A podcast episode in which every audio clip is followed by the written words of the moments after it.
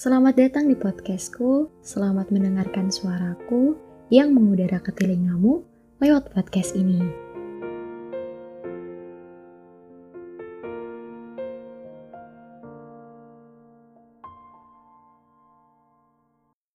Hai, ketemu lagi sama suara aku. Kali ini kita mau ngobrol tentang pas banget ya ini aku rekaman sebelum tidur malam di jam 22 lewat 19 menit tanggal 28 Juni. Iya aku belum tidur karena habis nentuin hmm, kira-kira konten apa yang bakal dibahas di episode ini gitu.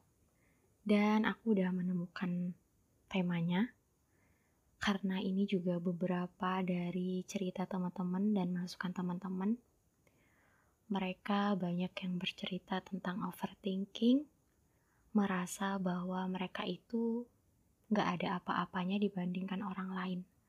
Merasa bahwa pencapaian orang lain itu lebih keren daripada diri kita sendiri. Kadang yang membuat kita overthinking karena sebelum tidur kita kebiasaan scrolling sosial media, entah itu Instagram, TikTok, dan sebagainya, dan melihat pencapaian teman-teman kita, melihat progres mereka tanpa sadar itulah menjadi penyebab kita membandingkan diri kita yang kayak kapan ya aku bisa kayak gini? Kok dia bisa kayak gitu ya? Aku kapan ya? Kok aku masih gini-gini aja sih? Jadi lebih lihat kurangnya kita karena kita ngebandingin dengan orang lain daripada hal-hal sederhana yang udah kita lakukan, tapi kita nggak sadar kalau itu tuh juga sebuah progres. Aku juga sama kayak mereka yang cerita ke aku bahwa mereka merasa insecure, overthinking, dan segala macam memikirkan masa depan gimana gitu. Aku pernah mengalaminya bahkan sampai yang benar-benar gak bisa tidur tuh buruk banget sih karena biasanya kalau kita overthinking itu bisa memberikan dampak negatif, bisa juga positif. Positifnya mungkin kita mengevaluasi diri, akhirnya kita bisa meningkatkan kualitas diri, terus lebih mencari hal-hal yang bisa bikin kita produktif. Tapi negatifnya itu tadi, kita ngerasa kayak kurang, selalu kurang terus daripada pencapaian orang lain. Padahal kan setiap fokus orang-orang tuh beda-beda. Kita nggak bisa menyamakan pencapaian orang lain sama pencapaian kita karena tujuannya aja beda gitu loh. Misalkan ada orang lulus kedokteran, terus dia jadi dokter, terus dia mungkin menginfluence orang dengan sosial projectnya yang mengajarkan kesehatan dan segala macam. Itu tujuannya dia. Kalau kita ya balik lagi tanya ke diri sendiri apa tujuannya. Jadi kalau tujuan orang beda-beda ya ngapain harus dibandingkan gitu loh. Karena pencapaian orang itu bakalan beda-beda berdasarkan tujuannya, goalsnya. Jadi mungkin kadang kita overthinking karena kita belum sadar, belum paham apa goals kita dalam hidup. Kalau misalkan goals kita dalam hidup, misalkan nih contoh aku, seorang wanita, aku pengen menjadi ibu, madrasah pertama bagi anak aku, pengen menjadi orang yang bisa berkontribusi, gak cuma berhenti di aku, tapi juga di anakku nanti dia bisa berkontribusi dan melayani umat. Misal nih ya. Nah, tujuannya beda kan ya berarti sama yang dokter tadi. Ya udah berarti pencapaiannya juga bakal beda gitu loh. Mungkin ada pencapaian orang yang terlihat dan ada juga yang enggak. Dan itu nggak bisa jadi patokan. Sosial media itu juga nggak bisa jadi patokan atas pencapaian orang. Karena sosial media itu juga bukan buku catatan amal ya. bukan tergantung media sosialnya gitu. Jadi biasanya yang membuat kita overthinking itu yaitu pemicunya biasanya ngeliat postingan di sosmed atau hal yang kita takuti seperti pendapat orang lain gitu. Dan itu itu yang nggak sehat sih sebenarnya. Kalau misalkan kita ngebandingin itu untuk evaluasi diri dan untuk improvisasi ya nggak apa-apa. Tapi kalau kita berlebihan, jatuhnya itu malah merendahkan diri kita sendiri. Padahal kita nggak boleh kan ya dalam Islam itu untuk merendahkan diri kita. Seorang muslim itu harus menjadi muslim yang mulia. Aku ada satu ayat yang bagus banget dan ini ayat yang menampar aku juga dari surat andalan Toha. itu di uh, ayat-ayat akhir sih, ayat 131 yang artinya dan janganlah engkau tujukan pandangan matamu kepada kenikmatan yang telah kami berikan kepada beberapa golongan dari mereka sebagai bunga kehidupan dunia, agar kami uji mereka dengan kesenangan itu karena karunia Tuhanmu lebih baik dan lebih kekal. Let's say pencapaian itu hanya sebatas di dunia gitu loh.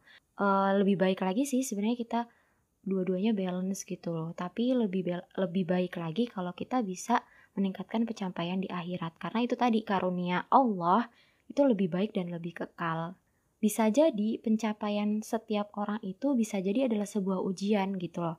Allah ngasih pencapaian atau nikmat ke orang tersebut itu untuk melihat orang itu bisa sabar atau enggak, orang itu bisa rendah hati atau enggak, orang itu jadi sombong atau enggak, atau malah makin lupa sama Allah atau malah makin dekat sama Allah setelah diberi pencapaian dan kenikmatan dunia.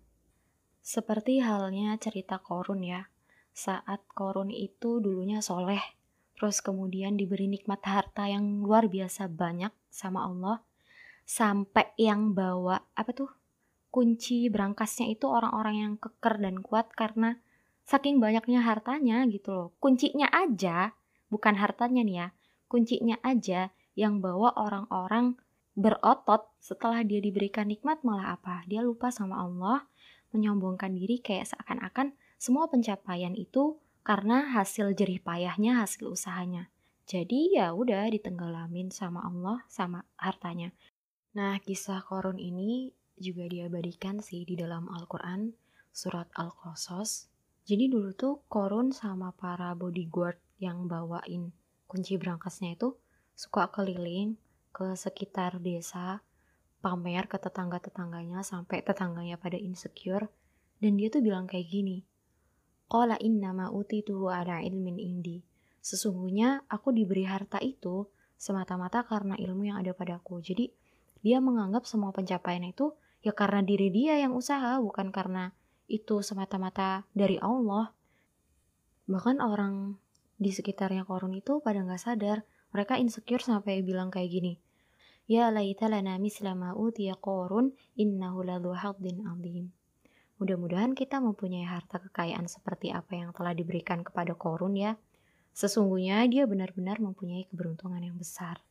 Jadi segitu insecure-nya gitu loh. Kayak wah Koron nih keren banget sih hartanya wow banget nih mudah-mudahan kita bisa kayak dia ya suatu saat nanti gitu tapi orang-orang yang berilmu pada saat itu nggak nggak bilang kayak gitu mereka nggak nggak insecure sama apa yang udah Allah kasih sama Korun karena mereka sadar Korun dalam kesesatan atau bisa jadi sebaliknya di saat kita diberi nikmat yang sama seperti mereka atau sama seperti orang yang bikin kita overthinking dan insecurein bisa jadi kita malah lupa sama Allah.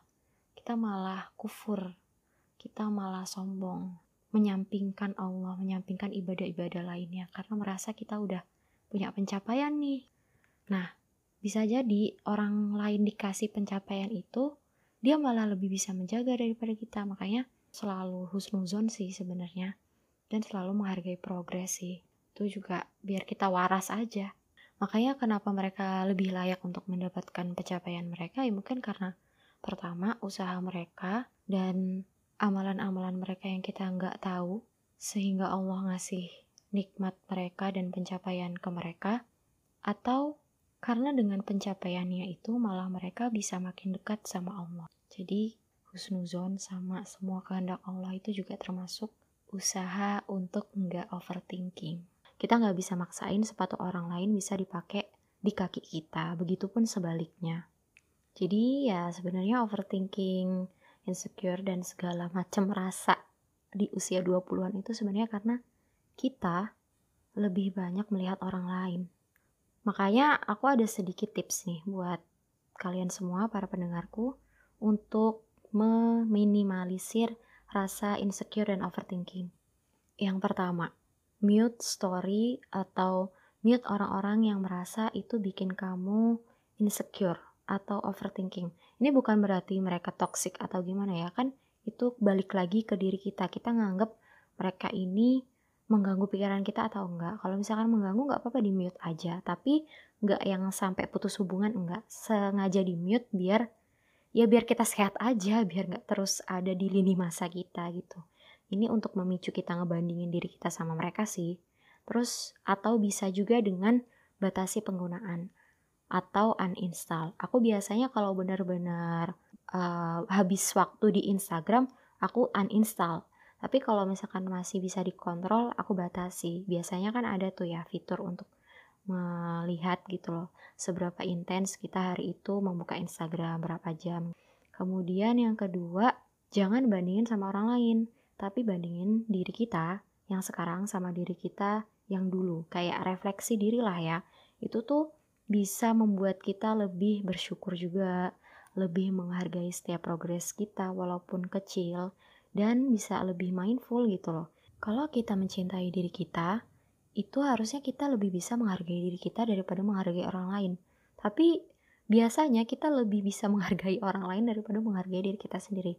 Bukan berarti kita yang harus menerima apa adanya terus nggak bertumbuh ya. Kita harus jadi pribadi yang mau bertumbuh, tapi nggak menyalahkan keadaan, takdir tentang diri sendiri.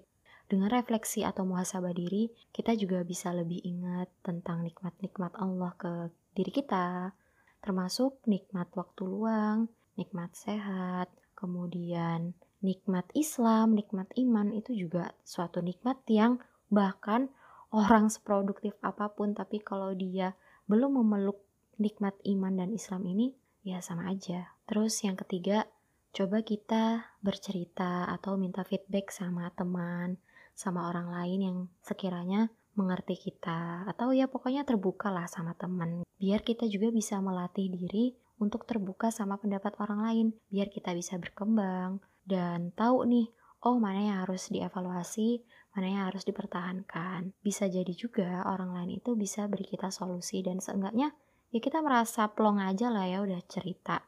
Keempat fokus ya jadi intinya tuh fokus terus jangan lupa sama amalan-amalan yang Allah janji mempermudah diri kita seperti sedekah, berdoa, dan segala macam. Udah saking baiknya Allah, masa kita nggak mau sih menggunakan anjuran-anjuran Allah untuk membantu diri kita kan itu tandanya berarti kita sombong ya.